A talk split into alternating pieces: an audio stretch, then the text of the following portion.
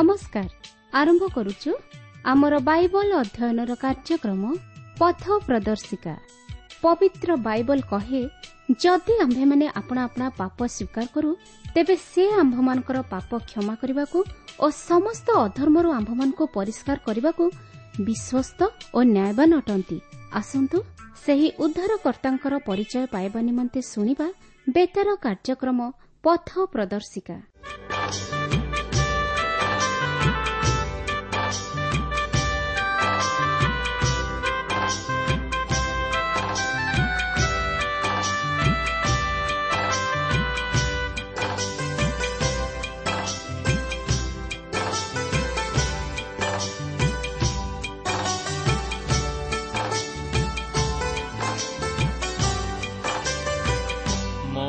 ଜୀବନ ପାଣିର ଫଟୋ ଏଇ ଅଛି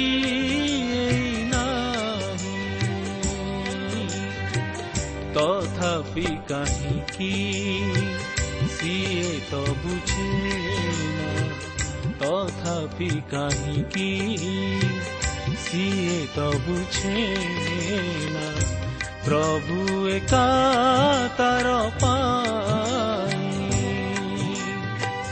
ମଣିଷ ଜୀବନ ପାଣିର ଫଟୋ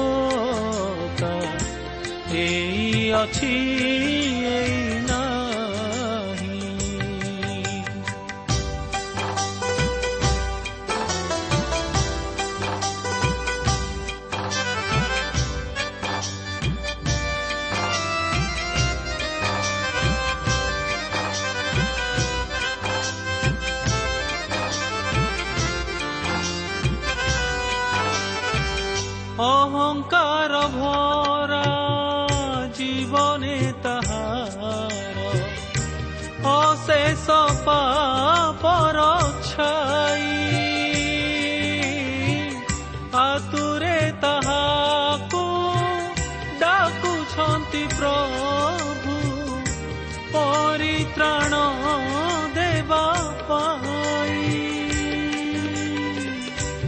ତେବେ ସେ କାହିଁକି ବୁଝିତ ପାରିନା ତେବେ ସେ କାହିଁକି ବୁଝିତ ପାରିନା ତା ଜୀବନ ପ୍ରଭୁ ପାଇଁ ମଣିଷ ଜୀବନ ପାଣିର ଫଟୋ ଏଇ ଅଛି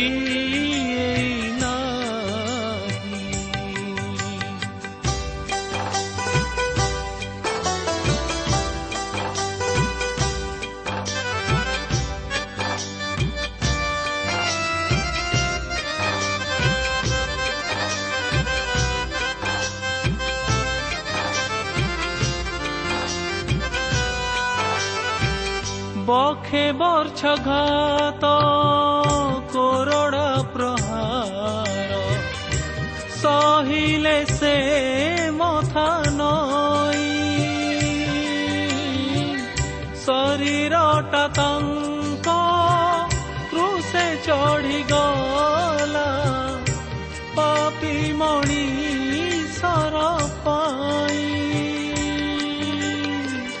ସେ ପାପି ମଣିଷ କେବେ ବି ଚାହେଁ ସେ ପାପି ମଣିଷ କେବେ ବି ଚାହେଁ ସେ ପ୍ରେମ ବୁଝିବା ପାଇଁ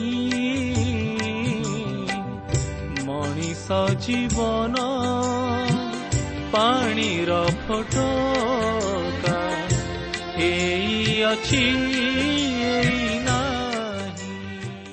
ପ୍ରିୟ ଶ୍ରୋତା ବନ୍ଧୁ ଆଜିର ଏହି ଶୁଭ ଅବସରରେ ଆମମାନଙ୍କର ସୃଷ୍ଟିକର୍ତ୍ତା ତଥା ଉଦ୍ଧାରକର୍ତ୍ତା ମଧୁମୟ ଯୀଶୁଙ୍କ ନାମରେ ଆପଣଙ୍କୁ ଏହି ପଥ ପ୍ରଦର୍ଶିକା କାର୍ଯ୍ୟକ୍ରମରେ ଅଂଶୀବା ନିମନ୍ତେ ସ୍ୱାଗତ କରେ ଆପଣ ଆପଣଙ୍କର ବହୁମୂଲ୍ୟ ସମୟ ଦେଇଥିବାରୁ ମଧ୍ୟ ଆମେ ବିଶେଷ ଧନ୍ୟବାଦୀ କେବଳ ସେତିକି ନୁହେଁ ଆପଣ ଆମ ସହ ପତ୍ର ମାଧ୍ୟମରେ ଯୋଗାଯୋଗ କରି ଆପଣଙ୍କର ମତାମତ ତଥା ସାକ୍ଷ୍ୟ ଲେଖି ଜଣାଇଥିବାରୁ ମଧ୍ୟ ଆମେ ବିଶେଷ ଆନନ୍ଦିତ ଆପଣଙ୍କର ପ୍ରାର୍ଥନାର ଅନୁରୋଧ ରକ୍ଷା କରି ଆମେ ଆପଣଙ୍କ ନିମନ୍ତେ ପ୍ରାର୍ଥନା କରୁଅଛୁ। ଆଉ ସେହି ପ୍ରଭୁ ଯୀଶୁ ନିଶ୍ଚିତ ଭାବରେ ଆପଣଙ୍କୁ ସୁରକ୍ଷା କରିବେ। ଆମର ଅନୁରୋଧ ଆପଣ ଏହି କାର୍ଯ୍ୟକ୍ରମ ନିୟମିତ ଶୁଣିବା ସଙ୍ଗେ ସଙ୍ଗେ ଅନ୍ୟମାନଙ୍କୁ ମଧ୍ୟ ଶୁଣାଇବାରେ ସାହାଯ୍ୟ କରନ୍ତୁ। ଆଉ ସେମାନଙ୍କୁ ମଧ୍ୟ ଆମ ସହ ପତ୍ର ମାଧ୍ୟମରେ ଯୋଗାଯୋଗ କରିବା ନିମନ୍ତେ ଉତ୍ସାହିତ କରନ୍ତୁ। ଆସନ୍ତୁ ତାହେଲେ ପ୍ରଭୁଙ୍କର ବାକ୍ୟ ମଧ୍ୟକୁ ଯିବା ପୂର୍ବରୁ ସଂକ୍ଷେପରେ ପ୍ରାର୍ଥନା କରିବା।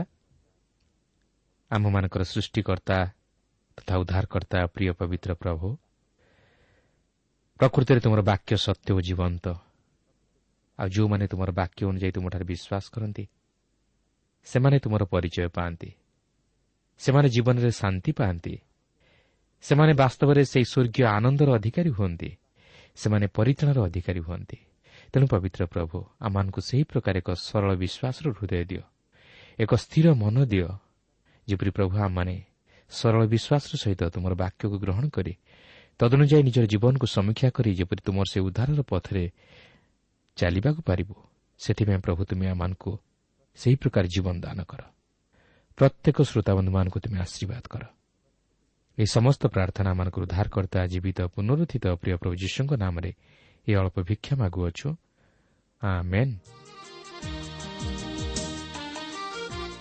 ଆସନ୍ତୁ ବର୍ତ୍ତମାନ ଆମେ ପ୍ରଭୁଙ୍କର ବାକ୍ୟ ମଧ୍ୟକୁ ଯିବା। ଆଜି ଆମେ ଜୋହନ ଲିଖିତ ସୁଷମାଚାରର ପାଞ୍ଚ ପର୍ବର ପଚିଶ ପଦରୁ ଆରମ୍ଭ କରି ସତଚାଳିଶ ପଦ ପର୍ଯ୍ୟନ୍ତ ଅଧ୍ୟୟନ କରିବା ନିମନ୍ତେ ଯିବା। ଆଜି ଆମେ ପ୍ରଭୁ ଯୀଶୁଙ୍କର ଆଉ କେତେକ ମହାନ ଉକ୍ତି ସମ୍ପର୍କରେ ଆଲୋଚନା କରିବାକୁ ଯିବା ଯାହାକି ସେ ଜୁହୁଦୀ ନେତାମାନଙ୍କୁ କହୁଅଛନ୍ତି। କିନ୍ତୁ ଏଠାରେ ମୁଁ ଆପଣଙ୍କୁ ପୁନର୍ବାର ସ୍କରଣ କରାଇଦିଏ ଯେ ଆମେ ପ୍ରତ୍ୟେକଟି ପଦ ଉପରେ ବିଶେଷ ଗୁରୁତ୍ୱ ଦେଇ ଆଲୋଚନା କରିବା ନାହିଁ ମାତ୍ର କେତେକ ମୁଖ୍ୟ ଘଟଣା ତଥା ବିଷୟକୁ ନେଇ କେତେକ ମୁଖ୍ୟ ପଦ ଉପରେ ଆମେ ଟିକେ ଦୃଷ୍ଟି ଦେବା।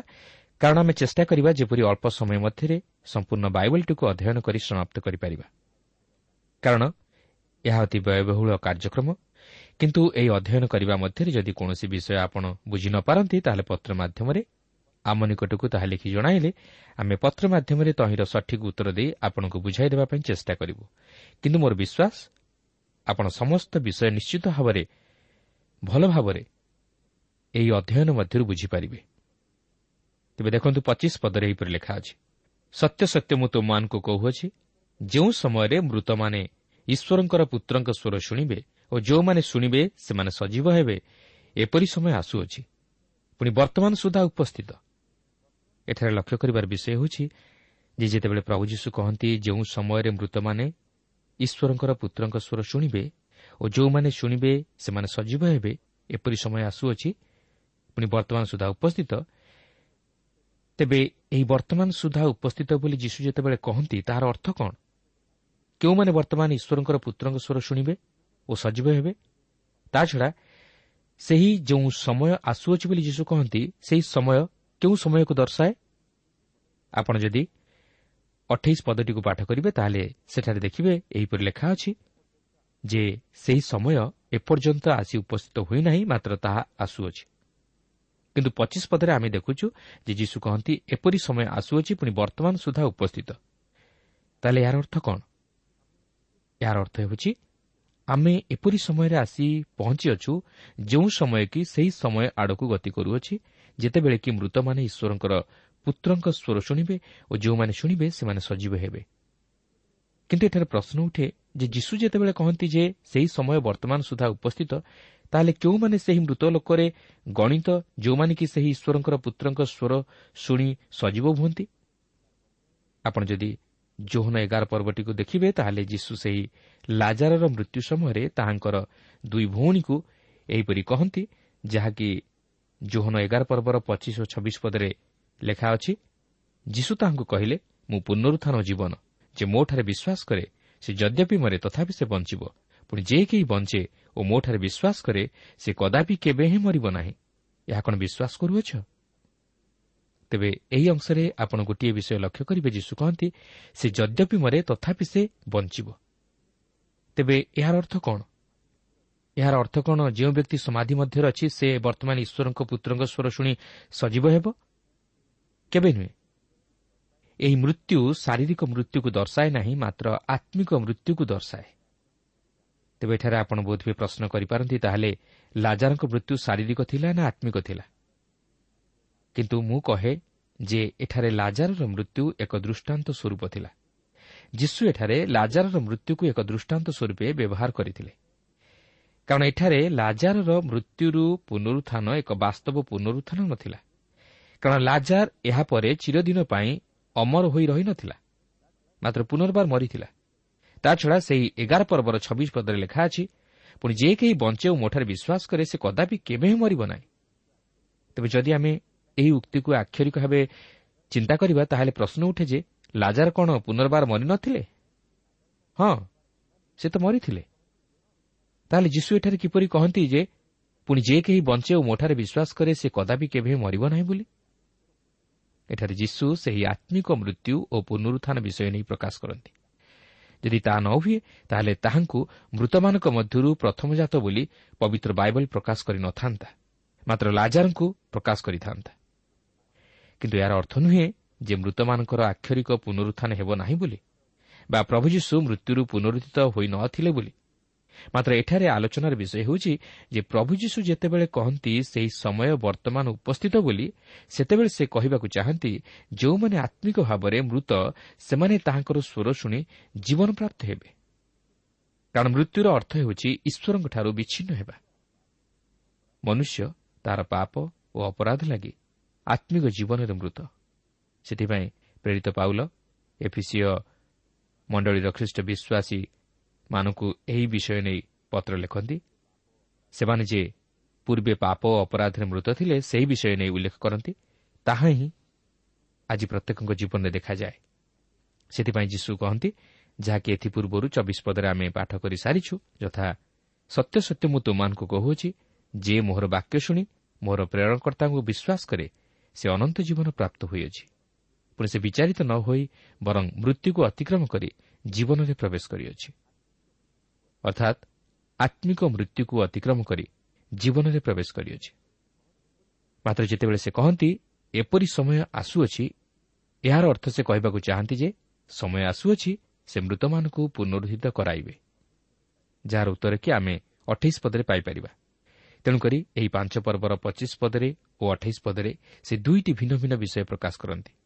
କାରଣ ପଚିଶ ପଦରେ ପ୍ରଭୁ ଯୀଶୁ ଯେଉଁ କହନ୍ତି ସେହି ସମୟ ବର୍ତ୍ତମାନ ସୁଦ୍ଧା ଉପସ୍ଥିତ ତାହା ସେ ଆତ୍ମିକ ଅର୍ଥରେ କହନ୍ତି ଯେ ସେ ହିଁ କେବଳ ଆତ୍ମିକ ଜୀବନରେ ପୁନର୍ଜୀବିତ କରିପାରନ୍ତି। ମାତ୍ର ଯେତେବେଳେ ସେ କହନ୍ତି ଏପରି ସମୟ ଆସୁଅଛି ଅଠେଇଶ ପଦ ତାହାର ଉତ୍ତର ଦିଏ ଯେ ଏପରି ସମୟ ଆସୁଅଛି ଯେତେବେଳେ କି ସେ ମୃତମାନଙ୍କୁ ବାସ୍ତବରେ ପୁନର୍ଜୀବିତ କରାଇବେ ଦେଖନ୍ତୁ ଅଠେଇଶ ଓ ଅଣତିରିଶ ପଦରେ ଏହିପରି ଲେଖା ଅଛି। ଏଥିରେ ଚମତ୍କୃତ ହୁଅ ନାହିଁ କାରଣ ଯେଉଁ ସମୟରେ ସମାଧିସ୍ଥ ସମସ୍ତେ ତାହାଙ୍କ ସ୍ୱର ଶୁଣିବେ ଏବଂ ଯେଉଁମାନେ ସତ୍କର୍ମ କରିଅଛନ୍ତି ସେମାନେ ଜୀବନର ପୁନରୁତ୍ଥାନ ନିମନ୍ତେ ଓ ଯେଉଁମାନେ ଅସତ୍କର୍ମ କରିଅଛନ୍ତି ସେମାନେ ଦଣ୍ଡର ପୁନରୁତ୍ଥାନ ନିମନ୍ତେ ବାହାର ହୋଇ ଆସିବେ ଏପରି ସମୟ ଆସୁଅଛି। ଏହି ଅଂଶରେ ଆପଣ ଦୁଇଟି ପୁନରୁତ୍ଥାନ ବିଷୟ ଦେଖିବାକୁ ପାରୁଅଛନ୍ତି ଯାହାକି ପ୍ରଭୁ ଯୀଶୁଙ୍କର ଏହି ଜଗତକୁ ଦ୍ୱିତୀୟ ଆଗମନ ସମୟରେ ଘଟିବାକୁ ଯାଉଅଛି। ଏହି ସମୟରେ ମୃତମାନେ ଈଶ୍ୱରଙ୍କର ପୁତ୍ରଙ୍କ ସ୍ୱର ଶୁଣିବେ ଓ ଯେଉଁମାନେ ଶୁଣିବେ ସେମାନେ ସଜୀବ ହୋଇ ମୃତ୍ୟୁରୁ ଉଠିବେ। ଆପଣ ଯଦି ପ୍ରକାଶିତ ବାକ୍ୟ ଯାହାକି ବାଇବଲର ଶେଷ ପୁସ୍ତକ ତହିଁର କୋଡ଼ିଏ ପର୍ବର ଚାରିପଦରୁ ଛଅ ପଦ ମଧ୍ୟରେ ପାଠ କରିବେ ତାହେଲେ ସେଠାରେ ପ୍ରଥମ ପୁନରୁତ୍ଥାନର ବିଷୟ ଦେଖିବାକୁ ପାରିବେ ଓ କୋଡ଼ିଏ ପର୍ବର ଏଗାରରୁ ପନ୍ଦର ପଦ ମଧ୍ୟରେ ଦ୍ୱିତୀୟ ପୁନରୁତ୍ଥାନର ବିଷୟ ଦେଖିବାକୁ ପାରିବେ। ତେବେ ପ୍ରଥମ ପୁନରୁତ୍ଥାନ ଉଦ୍ଧାର ପାଇଥିବା ବିଶ୍ୱାସୀମାନଙ୍କ ପୁନରୁତ୍ଥାନ ଓ ଦ୍ୱିତୀୟ ପୁନରୁତ୍ଥାନ ଉଦ୍ଧାର ପାଇନଥିବା ଅବିଶ୍ୱାସୀ ତଥା ଅଧାର୍ମିକମାନଙ୍କର ପୁନରୁତ୍ଥାନ। ଯେଉଁମାନେ ପ୍ରଭୁ ଯୀଶୁଖ୍ରୀଷ୍ଟଙ୍କଠାରେ ଥାଇ ମରିଥିବେ ସେମାନେ ପୁନରୁଦ୍ଧିତ ହେବେ ଓ ଯେଉଁମାନେ ଜୀବିତ ଥିବେ ସେମାନେ ମଧ୍ୟ ସେହି ଅନନ୍ତ ଜୀବନରେ ପ୍ରବେଶ କରିବେ। ମାତ୍ର ଯେଉଁମାନେ ଅବିଶ୍ୱାସୀ ତଥା ଅଧାର୍ମିକତାରେ କାଳକ୍ଷେପଣ କରିଥିବେ ସେମାନେ ଅନନ୍ତ ମୃତ୍ୟୁ ନିମନ୍ତେ ପୁନରୁଦ୍ଧିତ ହୋଇ ସେହି ଅନନ୍ତ ନରକ ମଧ୍ୟକୁ ଗମନ କରିବେ। ଅର୍ଥାତ୍ ଧାର୍ମିକମାନେ ଅନନ୍ତ ଜୀବନ ନିମନ୍ତେ ଓ ଅଧାର୍ମିକମାନେ ଅନନ୍ତ ମୃତ୍ୟୁ ନିମନ୍ତେ ପୁନରୁଦ୍ଧିତ ହେବେ। ପ୍ରକୃତରେ ପ୍ରିୟ ବନ୍ଧୁ ଏପରି ସମୟ ଆସୁଅଛି ଯାହାକି ଅତି ଭୟଙ୍କର ସମୟ। ଅନେକ ଭାବନ୍ତି ଯେ ମରିଗଲା ସେ ତରିଗଲା। କିନ୍ତୁ ତାହା ଠିକ୍ ନୁହେଁ। ମନୁଷ୍ୟ ତା'ର କଲା କର୍ମର ପ୍ରତିଫଳ ମଧ୍ୟ ଭୋଗ କରିବାକୁ ଅଛି ଓ ତାହାର ଶେଷ ବିଚାର ଅଛି। ଆମ ପ୍ରତ୍ୟେକଙ୍କୁ ଏକ ଦିନ ମୃତ୍ୟୁରୁ ପୁନରୁଦ୍ଧିତ ହେବାକୁ ପଡ଼ିବ। ମାତ୍ର ଚିନ୍ତାର ବିଷୟ ହେଉଛି ଯେ ଆମେ ଅନନ୍ତ ଜୀବନ ନିମନ୍ତେ ପୁନରୁଦ୍ଧିତ ହେବା ନା ଅନନ୍ତ ମୃତ୍ୟୁ ଯାହାକି ନରକ ତହିଁ ନିମନ୍ତେ ପୁନରୁଦ୍ଧିତ ହେବା କିନ୍ତୁ ଯଦି ଆମେ ପ୍ରଭୁ ଯୀଶୁଙ୍କର ଏହି ଜଗତକୁ ଦ୍ୱିତୀୟ ଆଗମନ ସମୟରେ ତାହାଙ୍କ ସ୍ୱର ଶୁଣି ମୃତ୍ୟୁରୁ ପୁନରୁଦ୍ଧିତ ହୋଇ ସେହି ଅନନ୍ତ ଜୀବନରେ ପ୍ରବେଶ କରିବାକୁ ଚାହୁଁ ତାହେଲେ ବର୍ତ୍ତମାନ ଆମକୁ ପ୍ରଭୁ ଯୀଶୁଙ୍କଠାରେ ବିଶ୍ୱାସ କରି ସେହି ଆତ୍ମିକ ଜୀବନରେ ପୁନରୁଦ୍ଧିତ ହେବାକୁ ହେବ। ଅର୍ଥାତ୍ ପାପରେ ମୃତ ହୋଇ ଧର୍ମରେ ଜୀବିତ ହେବାକୁ ହେବ। ସରଳ ଭାବରେ କହିବାକୁ ଗଲେ ପାପରୁ ମନ ପରିବର୍ତ୍ତନ କରି ଧାର୍ମିକ ପଥରେ ଅଗ୍ରସର ହେବାକୁ ହେବ ଓ ପ୍ରଭୁ ଯୀଶୁଖ୍ରୀଷ୍ଟଙ୍କଠାରେ ବିଶ୍ୱାସ କରି ଓ ତାହାଙ୍କୁ ନିଜ ହୃଦୟରେ ଉଦ୍ଧାରକର୍ତ୍ତା ରୂପେ ଗ୍ରହଣ କରି ଏକ ଧାର୍ମିକ ଜୀବନ ଅତିବାହିତ କରିବାକୁ ହେବ। ତାହେଲେ ସେ ଯେତେବେଳେ ପୁନର୍ବାର ଏହି ଜଗତର ବିଚାର କରିବା ନିମନ୍ତେ ଆଗମନ କରିବେ ସେତେବେଳେ ଆମେ ସେହି ଅନନ୍ତ ମୃତ୍ୟୁ ନିମନ୍ତେ ନୁହେଁ ମାତ୍ର ଅନନ୍ତ ଜୀବନ ନିମନ୍ତେ ମୃତ୍ୟୁରୁ ପୁନରୁଦ୍ଧିତ ହେବା। କ'ଣ? ଏହା ଗୌରବର ବିଷୟ ନୁହେଁ କି? ଏହା ଏକ ମହାନ ଭରସାର ବିଷୟ। ଦେଖନ୍ତୁ ଏହାପରେ ତିରିଶ ପଦରେ ଲେଖା ଅଛି ମୁଁ ଆପଣାରୁ କିଛି କରିପାରେ ନାହିଁ ମୁଁ ଯେପରି ଶୁଣେ ସେହିପରି ବିଚାର କରେ ଆଉ ମୋର ବିଚାର ଯଥାର୍ଥ। କାରଣ ମୁଁ ଆପଣାର ଇଚ୍ଛା ସାଧନ କରିବାକୁ ଚେଷ୍ଟା ନ କରି ମୋହର ପ୍ରେରଣକର୍ତ୍ତାଙ୍କର ଇଚ୍ଛା ସାଧନ କରିବାକୁ ଚେଷ୍ଟା କରେ। ଏହି ଅଂଶରେ ଆପଣ ଲକ୍ଷ୍ୟ କରିବେ ଯୀଶୁ ତାଙ୍କ ନିଜକୁ ସୀମିତ କରୁଅଛନ୍ତି। ସେ କହନ୍ତି ମୁଁ ଆପଣାରୁ କିଛି କରିପାରେ ନାହିଁ। ମାତ୍ର ମୋହର ପ୍ରେରଣକର୍ତ୍ତା ପିତାଙ୍କର ଇଚ୍ଛା ଅନୁଯାୟୀ ସମସ୍ତ ବିଷୟ କରେ। କାରଣ ସେ ଯେତେବେଳେ ଏହି ଜଗତରେ ମାନବ ରୂପରେ ଅବତରଣ କଲେ ସେତେବେଳେ ସେ ନିଜକୁ ସୀମିତ କଲେ ଓ ପିତା ଈଶ୍ୱରଙ୍କର ଅଭିମତକୁ ସାଧନ କଲେ। ସେ ଏହି ଜଗତରେ ମାନବ ରୂପରେ ଅବତରଣ କଲେ ନିଜର ଇଚ୍ଛାକୁ ସାଧନ କରିବା ପାଇଁ ନୁହେଁ ମାତ୍ର ପିତା ଈଶ୍ୱରଙ୍କର ଇଚ୍ଛାକୁ ସାଧନ କରିବା ପାଇଁ। ଏହା ଆଜି ଆମମାନଙ୍କ ଜୀବନ ନିମନ୍ତେ ଏକ ନମୁନା ସ୍ୱରୂପ। ପ୍ରିୟ ବନ୍ଧୁ ଆପଣଙ୍କର ମୋର ଜୀବନରେ ମଧ୍ୟ ଏହିପରି ପୁରାତନ ସ୍ୱଭାବ ଅଛି ଯାହାକି ଈଶ୍ୱରଙ୍କର ବଶୀଭୂତ ନୁହେଁ। ଅନେକ ସମୟରେ ଆମେ ଆମର ନିଜ ଇଚ୍ଛା ଅନୁଯାୟୀ କାର୍ଯ୍ୟ କରି ଈଶ୍ୱରଙ୍କର ବିରୁଦ୍ଧାଚରଣ କାର୍ଯ୍ୟ କରୁ। କାରଣ ଆମମାନଙ୍କର ସେହି ଶାରୀରିକ ସ୍ୱଭାବଗୁଡ଼ିକ ଆମକୁ ସେହିପରି କାର୍ଯ୍ୟ କରିବାକୁ ପ୍ରବର୍ତ୍ତାଏ କିନ୍ତୁ ଯେପର୍ଯ୍ୟନ୍ତ ଆମେ ଆମ ଜୀବନରେ ଈଶ୍ୱରଙ୍କ ଇଚ୍ଛାକୁ ପ୍ରଥମ ସ୍ଥାନ ଦେଇନାହୁଁ ସେ ପର୍ଯ୍ୟନ୍ତ ଆମେ ଈଶ୍ୱରଙ୍କ ଇଚ୍ଛାକୁ ସଫଳ କରିପାରିବା ନାହିଁ। କିନ୍ତୁ ସେହି ଈଶ୍ୱରଙ୍କ ଇଚ୍ଛାକୁ ଆମେ ଜାଣିବା କିପରି? ଯଦି ଆମେ ଈଶ୍ୱରଙ୍କ ବାକ୍ୟକୁ ନିଜ ହୃଦୟରେ ଗ୍ରହଣ କରିବା ସେତେବେଳେ ପବିତ୍ର ଆତ୍ମା ଈଶ୍ୱରଙ୍କ ବାକ୍ୟ ଦ୍ୱାରା ଆମମାନଙ୍କ ଜୀବନରେ ତାହାଙ୍କର କାର୍ଯ୍ୟ ସାଧନ କରିବେ ଓ ସେତେବେଳେ ଆମେ ଈଶ୍ୱରଙ୍କର ଇଚ୍ଛାକୁ ବୁଝି ତାହା ସଫଳ କରିବା ନିମନ୍ତେ ପଦକ୍ଷେପ ନେଇପାରିବା। ପ୍ରିୟ ବନ୍ଧୁ ଯେପର୍ଯ୍ୟନ୍ତ ଆମେ ନିଜର ପୁରାତନ ସ୍ୱଭାବକୁ ଦୂର କରିନାହୁଁ ସେ ପର୍ଯ୍ୟନ୍ତ ଆମମାନଙ୍କ ଜୀବନରେ ଈଶ୍ୱରଙ୍କ ଇଚ୍ଛା ସାଧିତ ହୋଇପାରିବ ନାହିଁ।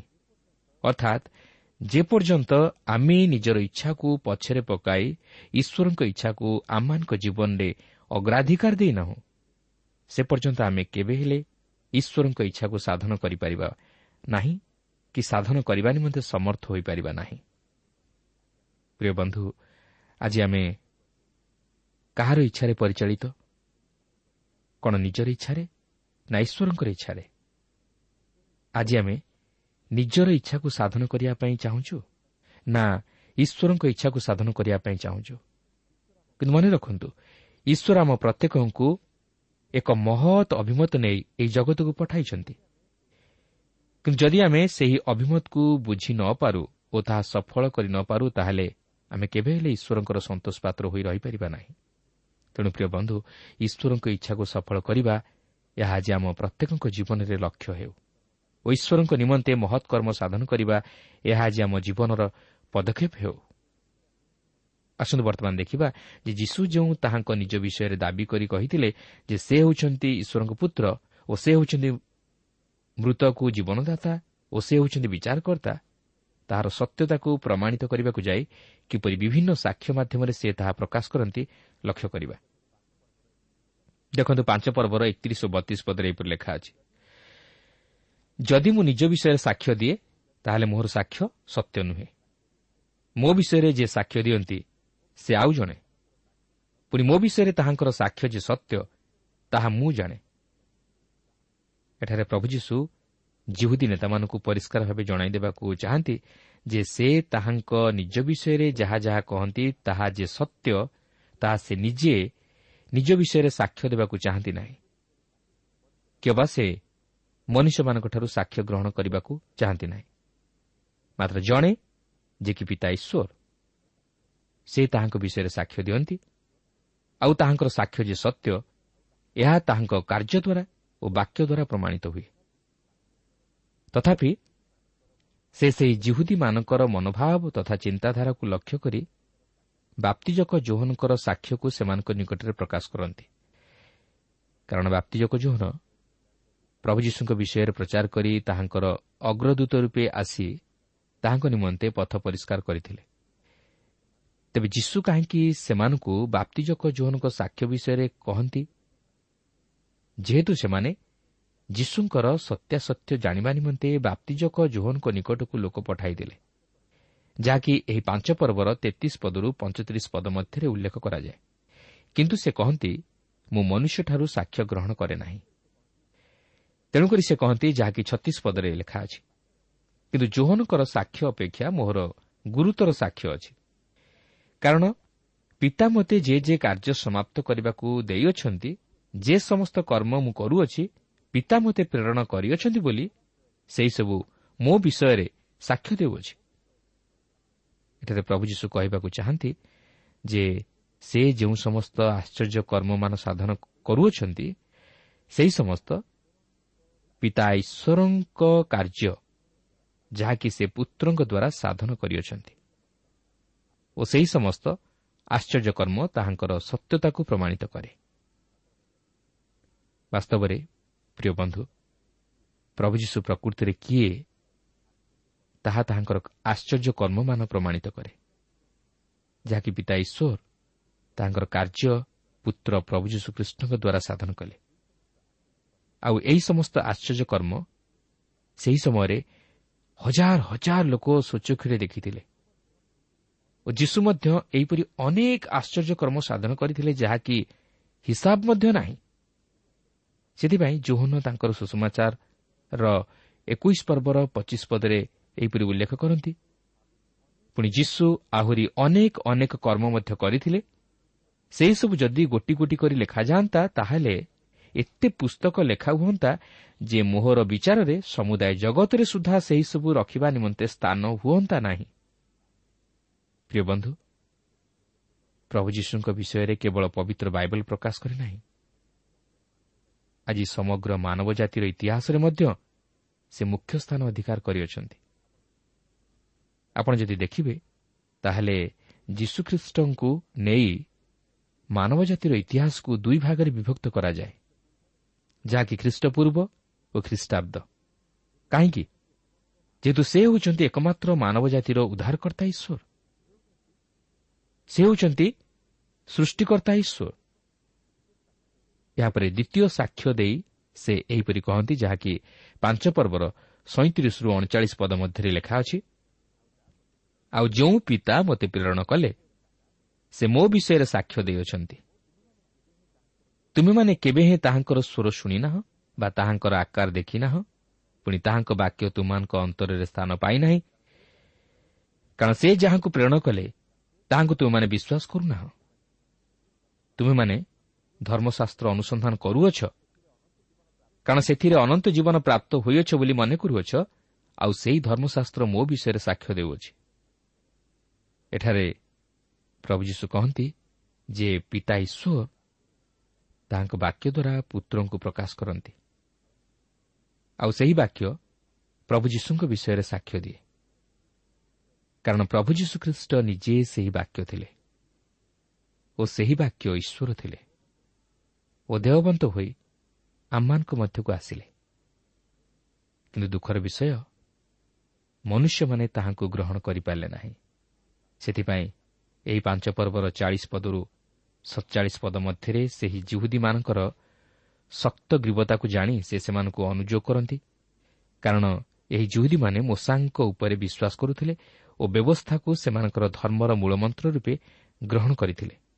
ମାତ୍ର ଯୀଶୁ ସେମାନଙ୍କୁ କହନ୍ତି ଯାହାକି ଛୟାଳିଶ ଓ ସତଚାଳିଶ ପଦରେ ଲେଖା ଅଛି କାରଣ ତୁମେମାନେ ଯଦି ମୂଷାଙ୍କୁ ବିଶ୍ୱାସ କରନ୍ତ ତେବେ ମୋତେ ବିଶ୍ୱାସ କରନ୍ତ। ଯେଣୁ ସେ ମୋ ବିଷୟରେ ଲେଖିଅଛନ୍ତି କିନ୍ତୁ ତୁମେମାନେ ଯଦି ତାହାଙ୍କ ଲିଖିତ ବାକ୍ୟ ବିଶ୍ୱାସ କରୁନାହ ତେବେ କିପରି ମୋହର ବାକ୍ୟ ବିଶ୍ୱାସ କରିବ? ପ୍ରିୟ ବନ୍ଧୁ ଆଜି ଆମେ ନିଜ ନିଜକୁ ପ୍ରଶ୍ନ କରୁ ଯେ ମୁଁ କ'ଣ ବାସ୍ତବରେ ପ୍ରଭୁ ଯୀଶୁଙ୍କଠାରେ ବିଶ୍ୱାସ କରିପାରିଛି କି? ମୁଁ କ'ଣ ତାହାଙ୍କୁ ମୋର ହୃଦୟରେ ଉଦ୍ଧାରକର୍ତ୍ତା ରୂପେ ଗ୍ରହଣ କରିପାରିଛି କି? ମୁଁ କ'ଣ ତାହାଙ୍କ ବାକ୍ୟରେ ବିଶ୍ୱାସ କରିପାରିଛି କି? ଯଦି ନାହିଁ ତାହେଲେ ଆଜି ହିଁ ତାହା କରିବା ନିମନ୍ତେ ଚେଷ୍ଟା କରନ୍ତୁ। ଓ ପ୍ରଭୁ ଯୀଶୁଙ୍କଠାରେ ବିଶ୍ୱାସ କରି ସେହି ଅନନ୍ତ ଜୀବନର ଅଧିକାରୀ ହେବା ନିମନ୍ତେ ଚେଷ୍ଟା କରନ୍ତୁ। ଆମେ ଜାଣୁନା କେଉଁ ମୁହୂର୍ତ୍ତରେ ଆମମାନଙ୍କୁ ଏହି ଜଗତ ଛାଡ଼ିବାକୁ ହେବ। କିନ୍ତୁ ଆମେ ଯଦି ପ୍ରଭୁ ଯୀଶୁଙ୍କ ନିମନ୍ତେ ପ୍ରସ୍ତୁତ ଜୀବନଯାପନ କରିଥିବା ତାହେଲେ ଆମେ ନିଶ୍ଚିତ ଭାବରେ ତାହାଙ୍କର ଆଗମନରେ ଆମମାନେ ତାହାଙ୍କ ଦ୍ୱାରା ଗୃହୀତ ହୋଇ ସେ ଅନନ୍ତକାଳୀନ ସୁଖ ଶାନ୍ତି ଓ ବିଭବର ଭାଗି ହୋଇପାରିବା। ଆଜି ପାଇଁ ସମୟ ହୋଇଯାଇଥିବାରୁ ଏହିଠାରେ ଏହି କାର୍ଯ୍ୟକ୍ରମ ସ୍ଥଗିତ ରଖିବା। କିନ୍ତୁ ଆଜି ଯଦି ଆପଣ ନିଜର ଜୀବନରେ ସେହିପରି ପଦକ୍ଷେପ ନେଇଛନ୍ତି ତାହେଲେ ଆମ ନିକଟକୁ ପତ୍ର ଲେଖି ଜଣାଇଲେ ଆମେ ଆପଣଙ୍କ ନିମନ୍ତେ ମଧ୍ୟ ପ୍ରାର୍ଥନା କରିପାରିବୁ। ପ୍ରଭୁ ଆମ ପ୍ରତ୍ୟେକଙ୍କୁ ଏହି ସଂକ୍ଷିପ୍ତ ଆଲୋଚନା ମଧ୍ୟ ଦେଇ ଆଶୀର୍ବାଦ କରନ୍ତୁ।